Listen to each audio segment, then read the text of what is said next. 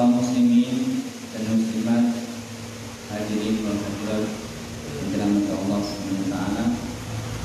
Alhamdulillah bersyukur kepada Allah Subhanahu wa taala karena limpahan rahmat, nikmat dan karunia-Nya sore ini kita sudah memasuki Ramadan tanggal 21 Artinya Alhamdulillah sudah 21 hari kita menjalankan ibadah puasa ini dan insya Allah kita sudah masuk 10 hari terakhir dari bulan Ramadan.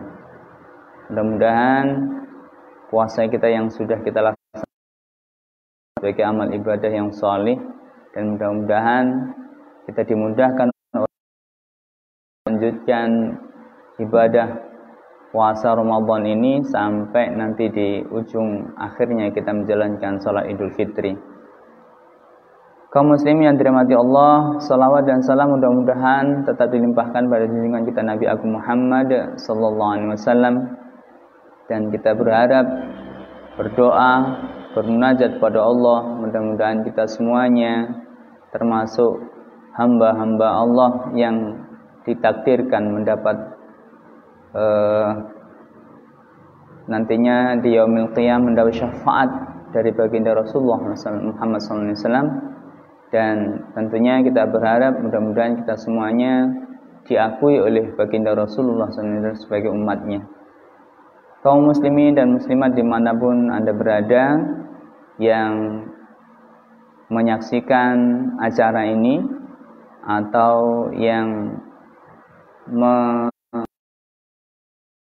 follow apa istilahnya ini uh,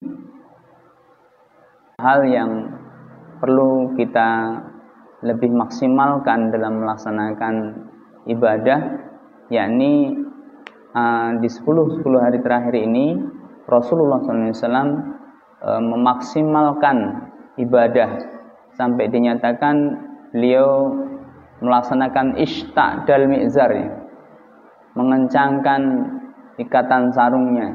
Artinya menunjukkan kesungguhan menunjukkan kemaksimalan dalam melaksanakan ibadah namun saudara yang dirahmati Allah eh, sebelum kita bahas apa hal-hal yang harus kita lakukan di 10 hari terakhir di bulan Ramadan ini eh, ada satu kisah ada satu cerita yang mungkin bisa kita jadikan ibroh.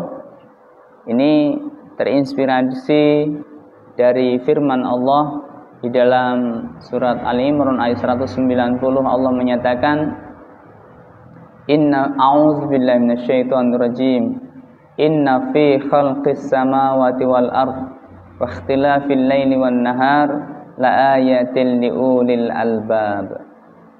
Inna fi khalqis samawati wal ard. Allah berfirman sesungguhnya dalam penciptaan langit dan bumi ikhtilafil laili wan nahar. Silih bergantinya siang dan malam. La ayatil liulil albab. Menjadi tanda-tanda kebesaran Allah tanda-tanda keagungan Allah bagi orang-orang yang mau berpikir jadi yang dimaksud dengan proses penciptaan langit dan bumi itu apa yang apa saja ini. Kalau kita ambil luasnya proses penciptaan langit, langit berserta seluruh yang ada di dalamnya. Penciptaan bumi juga demikian. Seluruh apa yang terkait dan yang ada di dalam bumi. Baik termasuk benda matinya bisa jadi ayat atau tanda-tanda kebesaran Allah, bisa jadi ibroh. Kemudian flora dan faunanya, kemudian sampai apa namanya diri kita sendiri pun bisa menjadi tanda-tanda kebesaran Allah bagi kita yang mau berpikir. Baik, kaum muslimin dan muslimat yang dirahmati Allah, ini kita ambil uh, contoh dua ekor binatang saja terkait dengan pelaksanaan pelaksanaan ibadah puasa. Ini ada beberapa binatang-binatang yang ada di bumi ini yang uh, melakukan puasa juga. Nah, di antaranya yang mau kita bahas, kita jadikan ibroh di sore hari ini adalah uh, binatang ular. Kaum muslimin dan muslimat yang dirahmati Allah sudah maklum ya sama-sama kita tahu, banyak orang juga tahu bahwa ular ini termasuk binatang yang apa namanya eh, melakukan puasa atau sering melakukan fase-fase puasa dalam kehidupannya. Nah, terutama sekali ular ini ketika akan berganti kulit. Ketika akan berganti kulit, dia akan bertapa. Masuk ke dalam apa namanya lubangnya, kemudian berdiam beberapa lama, lalu kemudian dia lepaskan kulit lamanya, dia berganti dengan kulit yang baru. Nah, tapi kalau kita mau amati, saudara yang dirahmati Allah, ular sebelum puasa dan sesudah puasa ini tidak mengalami perubahan yang signifikan. Yang berubah hanya bentuk kulitnya saja, yang tadinya apa namanya sudah kusem jadi apa namanya indah atau baru lagi, gitu kan? Tapi perilaku ular tidak berubah. Jalannya ya tetap melata begitu. Terus kemudian wajahnya ya tetap sangar seperti itu. Perilaku makannya juga tetap seperti itu. Tidak ada perubahan yang signifikan. Nah ini bisa jadi ibroh. Artinya kalau kita umat Islam ini pra puasa dan pasca puasa tidak ada perubahan yang signifikan, ini jangan-jangan ya, puasanya seperti puasa ular. Nah, ini Rasul menyatakan kamin soim. Berapa banyak dari orang yang melaksanakan puasa ini? Orang yang menjalankan ibadah puasa ini laisa lahu min Tidak ada apa-apa yang didapatkan dari puasanya ilal ju wal atas kecuali haus dan lapar saja. Jadi dia berpuasa sebulan ini nggak dapat apa-apa kecuali dapatnya hanyalah haus dan lapar. Ibadahnya mungkin juga termasuk ibadah yang tidak diterima oleh Allah, hanya gugur kewajiban begitu saja. Ini bisa jadi tipikalnya tipikal puasa ular. Yang penting nggak makan, nggak minum, sudah. Nah, gitu. Mata nggak dijaga, telinga tidak dijaga, mulutnya tidak dijaga, kakinya tidak dijaga. Nah, lalu ada satu binatang lagi, hadirin kaum muslimin yang dirahmati Allah, yang juga melaksanakan puasa dia, ya. atau dia berhenti tidak makan nah, dalam waktu tertentu. Kita ambil contoh yang kedua ini ada ulat ya. Kaum muslimin yang dirahmati Allah, kita perhatikan ulat ini waktu masih jadi ulat dari kecil sampai ulat dewasa, perbuatannya nggak ada benernya tuh. Ya makan saja. Pokoknya daun muda dimakan. Dia nggak peduli. Ini daun siapa, tanaman siapa, ngerusak apa enggak, enggak peduli. Makan saja pokoknya. Kerjaannya hari-hari makan saja. Nah, hardolin kata orang ini. Dahar modal ulinnya. Makan, tidur, ee, -e, makan, tidur, ee, -e, makan. Nah, begitu dia sudah merasa jenuh dengan makan sampai titik kulminasi akhirnya lalu kemudian dia berhenti makan. Nah, dia apa namanya uh, sem sempatkan waktunya untuk berhenti makan. Nah, lalu kemudian karena sudah diniatkan untuk berhenti makan, dia persiapkan tuh masa berpuasanya. Ya. Dia mengasingkan diri, cari tempat yang aman, lalu dia bungkus dirinya dengan apa namanya ada yang dibungkus dengan jaring-jaring yang dia buat dari air liurnya, ada yang buat apa namanya rumah atau contong dari daun dan seterusnya. Yang jelas dia lindungi dirinya, lalu dia bertapa di situ, nggak makan, berhenti semuanya dari aktivitas makan dan minum, total, lalu si ulat ini mengalami perubahan yang luar biasa. Dia kemudian menjadi kepompong, diam, membungkus dirinya dengan apa namanya dirinya terbungkus dengan apa namanya cangkang tertentu yang disebut kepompong ini sekian lama kemudian setelah jadi kepompong keluarlah makhluk baru yang indah bentuknya warna-warni orang jadi tertarik ya terus kemudian makanannya pun berubah nah, yang tadinya ngerusak makan daun-daunan, dia berubah makanannya jadi madu, sari pati bunga. Dia hinggap dari bunga satu ke bunga yang lain. Dan makanannya jadi makanan yang apa namanya tidak merusak tapi justru dia makan dari yang baik-baik dia bantu makhluk yang lain untuk melakukan aktivitas yang sangat ditunggu-tunggu yakni penyerbukan. Nah, dan bukan saja ditunggu oleh tumbuhan itu sendiri tapi juga ditunggu oleh manusia. Nah, Saudara yang dirahmati Allah, apa ibrohnya? Ibroh yang kita ambil dari kupu-kupu ini apa? Pertama, saudara yang dirahmati Allah, ini ketika ulat tadi ber puasa dengan puasa yang betul-betul apa namanya menahan diri, nggak melakukan aktivitas apa pun, berdiri betul, berdiam, menjaga diri betul. Dia setelah puasanya merubah dirinya, semua perilakunya berubah, tampilan fisiknya juga berubah. Ini mestinya begitu. Ya.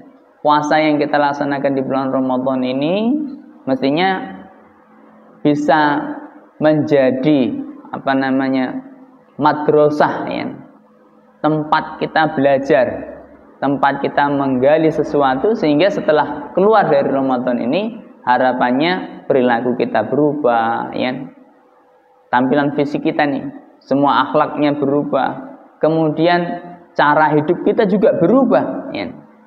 Yang tadinya mungkin mengganggu orang lain merusak orang lain apa namanya e, membuat kesal orang lain setelah puasa ini selesai kita jalankan harusnya berubah. Kita menjadi bermanfaat untuk orang lain ditunggu kehadiran kita oleh orang lain bisa membuat tersenyum banyak orang dan seterusnya. Karena akhlak dan perilaku kita yang semakin baik setelah Ramadan ini kaum muslimin di mana pun berada yang dirahmati Allah Subhanahu Wa Taala nah ini yang dikehendaki dari Ramadan ini maka ayat yang dimuat oleh Allah yang menyatakan wajibnya puasa ini di ujung ayat itu dinyatakan la'allakum tattaqun.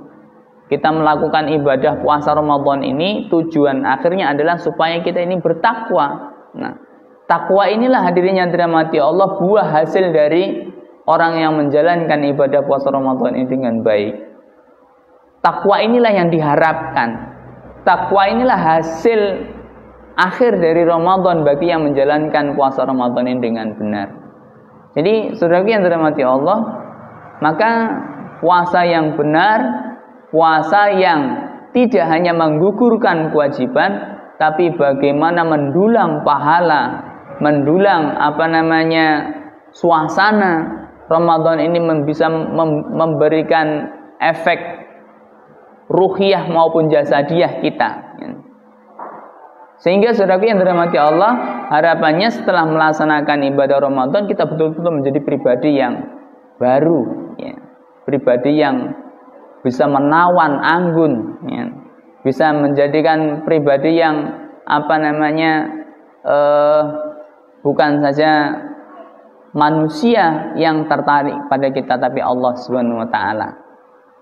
Saudara yang dirahmati Allah, lalu kemudian kita masuk materi yang saya sampaikan di awal tadi bahwa kita ini sudah memasuki 10 hari terakhir dari bulan Ramadan. Artinya kita memasuki paruh ketiga terakhir atau apa namanya step ketiga terakhir dari bulan Ramadan ini. Maka saudara yang dirahmati Allah, di awal tadi sudah kita bahas dan saya sampaikan bahwa Rasul Shallallahu Alaihi Wasallam ketika memasuki 10 hari terakhir di bulan Ramadan ini memaksimalkan pelaksanakan ibadah dan untuk menunjukkan keseriusan ber, beribadah di bulan Ramadan ini Rasulullah SAW selalu mengasingkan dirinya untuk beribadah, memenjarakan dirinya untuk beribadah di dalam masjid yang disebut dengan i'tikaf ya. Beliau beriktikaf ya. Iktikaf ini disebutkan oleh ulama definisinya ya habasa nafsahu ya memenjarakan dirinya untuk tidak melakukan hal-hal yang mengikuti hawa nafsu ya untuk total beribadah di dalam masjid. Namun saudara yang dirahmati Allah karena ini masanya masa yang beda dengan hari-hari biasa, beda dengan tahun-tahun sebelumnya. Kita dalam masa pandemi COVID-19 ini, maka kemudian ulama banyak memberikan penjelasan-penjelasan terkait dengan apa namanya itikaf di 10 hari terakhir ini. Nah, saudara yang dirahmati Allah, secara apa namanya uh, ijma ulama bersepakat bahwa itikaf itu hanya bisa dilakukan di masjid. Namun ketika masuki pandemik COVID-19 ini, ulama memberikan pendapat boleh beritikaf itu di rumah saja bagi saudara-saudara kaum muslimin yang wilayahnya termasuk zona merah atau zona yang eh, sudah terdampak COVID-19 ini. Caranya bagaimana kalau beritikaf di rumah?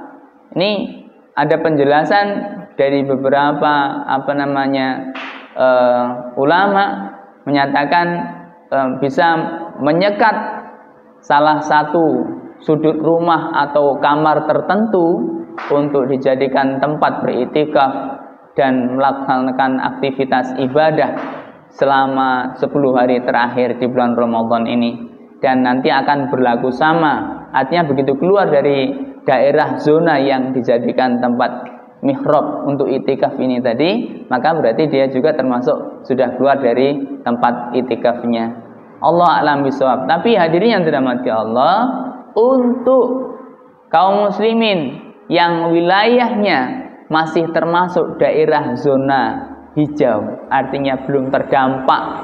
Secara mayoritas di situ orangnya memang nggak ada yang keluar atau tempat tinggalnya di pedesaan tidak ada apa namanya lalu lalang perlintasan orang dari luar maupun dari dalam uh, tempat tersebut maka ini masih diperbolehkan untuk beritikaf di masjid dengan mematuhi SOP atau standar penanganan dan apa namanya e, pencegahan COVID-19 atau COVID-19. Maka saudara yang dirahmati Allah ya, di dalam itikaf ini apa saja yang dilakukan? Jadi yang dilakukan di dalam melaksanakan itikaf ini agar apa namanya e, kita termasuk orang-orang yang mendulang pahala di 10 hari terakhir ini adalah di antaranya berzikir berzikir kepada Allah Subhanahu wa taala dengan kalimat-kalimat thayyibah ya. Apa saja kalimat thayyibah? Apa pun yang termasuk kalimat zikir baik subhanallah, alhamdulillah, la ilaha illallah, Allahu akbar. Tapi diutamakan lebih memperbanyak kalimat-kalimat istighfar. Ya. Baik kalimat istighfar yang pendek astaghfirullahalazim atau kalimat istighfar yang sedikit agak panjang la ilaha illa anta subhanaka inni kuntu minaz zalimin dan sampai kalimat istighfar yang terpanjang yang disebut oleh Rasul sebagai Sayyidul Istighfar juga bisa. Bagaimana bentuk kalimat istighfar yang dimaksud sebagai Sayyidul Istighfar? Agak panjang kalimatnya Allahumma anta rabbi la ilaha illa anta khalaqtani wa ana abduk wa ana ala ahdika wa wa'dika mastata'tu. A'udzu bika min syarri ma sana'tu. Abu ulaka bi ni'matika alayya wa abu bi dzambi faghfirli fa innahu la yaghfiru dzunuba illa anta. Nah, ini diperbanyak. Sehingga harapannya di 10 hari terakhir ini kita betul-betul mendapat ampunan dari Allah Subhanahu wa taala dari dosa-dosa yang kita yang sudah kita lakukan di masa yang sudah berlalu ya atau setahun yang sudah berlalu. Harapannya kita diampuni oleh Allah secara total. Ya. Diampuni seluruh dosa-dosa kita, diterima tobat-tobat kita. Jadi eh, dengan memperbanyak kalimat istighfar, baik yang pendek, yang panjang, yang sedang, ya, ini harapannya begitu. Nah. Lalu kemudian apa lagi? Tentunya nggak mungkin kita hanya berzikir saja dengan kalimat-kalimat thayyibah. Bisa juga dengan tilawatil Quran. Dan ini juga termasuk amalan yang utama membaca Al-Quran. Karena dinyatakan oleh baginda Rasul Al-Quran ini yakti yaumal qiyamah akan mendatangi umat Islam ini pada hari kiamat syafi'an sebagai pemberi syafaat atau penolong li ashabi bagi sahabat-sahabatnya Quran. Sahabatnya Quran gimana dirinya tidak mati Allah? Sahabatnya Quran adalah orang yang selalu dekat dengan Quran. Dekat dengan Quran yang dimaksud bukan dekat dengan Al-Quran bawa ke mana-mana bawa Quran ke mana-mana bawa bukan bukan demikian. Tapi orang yang menjadikan Al-Quran sebagai sahabat ini adalah yang membacanya, menghafalnya, dan nantinya termasuk yang tidak ketinggalan mengamalkan dari apa yang ada di dalam isi Al-Quran khususnya di 10 hari terakhir apa namanya bulan Ramadan ini minimal berusaha untuk membacanya semaksimal mungkin, sebanyak mungkin. Syukur-syukur apa namanya tiga hari hatam, tiga hari hatam, tiga hari hatam, wah masya Allah ya luar biasa. Kalau tidak, ya semampu kita mampu baca selembar, kita baca selembar dalam waktu semalam. Mampu satu juz, kita baca satu juz mampu dua juz dua juz kita baca. Nah, kemudian saudara yang dirahmati Allah, istimewanya Al-Quran di bulan Ramadan ini kita baca karena di bulan Ramadan inilah Al-Quran itu diturunkan oleh Allah Subhanahu wa taala kepada baginda Rasulullah Muhammad sallallahu alaihi wasallam. Dan malam diturunkannya Al-Quran disebut sebagai Lailatul Qadar. Ya. Dan dijelaskan di beberapa penjelasan ulama bahwa malam Lailatul Qadar itu akan selalu hadir di setiap Ramadan dan tempatnya atau tepatnya waktunya di 10 hari terakhir dari bulan Ramadan ini. Atau ada juga yang menjadi penjelasan di 10 hari terakhir di malam-malam ganjil. Artinya bisa 21, 23, 25 dan seterusnya. Jadi saudara yang dirahmati Allah yang, yang yang di mana pun ya, yang menyaksikan acara ini di mana pun berada, ya, harapannya mudah-mudahan kita betul-betul bisa memaksimalkan melaksanakan ibadah di detik-detik menjelang akhir bulan Ramadan ini, khususnya di 10 hari terakhir yang punya keistimewaan-keistimewaan yang luar biasa ini khususnya adanya Lailatul Qadar dan mudah-mudahan Allah Subhanahu wa taala pertemukan kita dengan Lailatul Qadar. Mungkin itu yang bisa kita bahas di sore hari ini. Ada kekhilafan dan kurang mohon maaf, mohon maaf kepada Allah mohon ampun. Mudah-mudahan Allah Subhanahu wa taala memudahkan kita melaksanakan ibadah Ramadan dan menerima seluruh amalan ibadah kita di bulan Ramadan ini.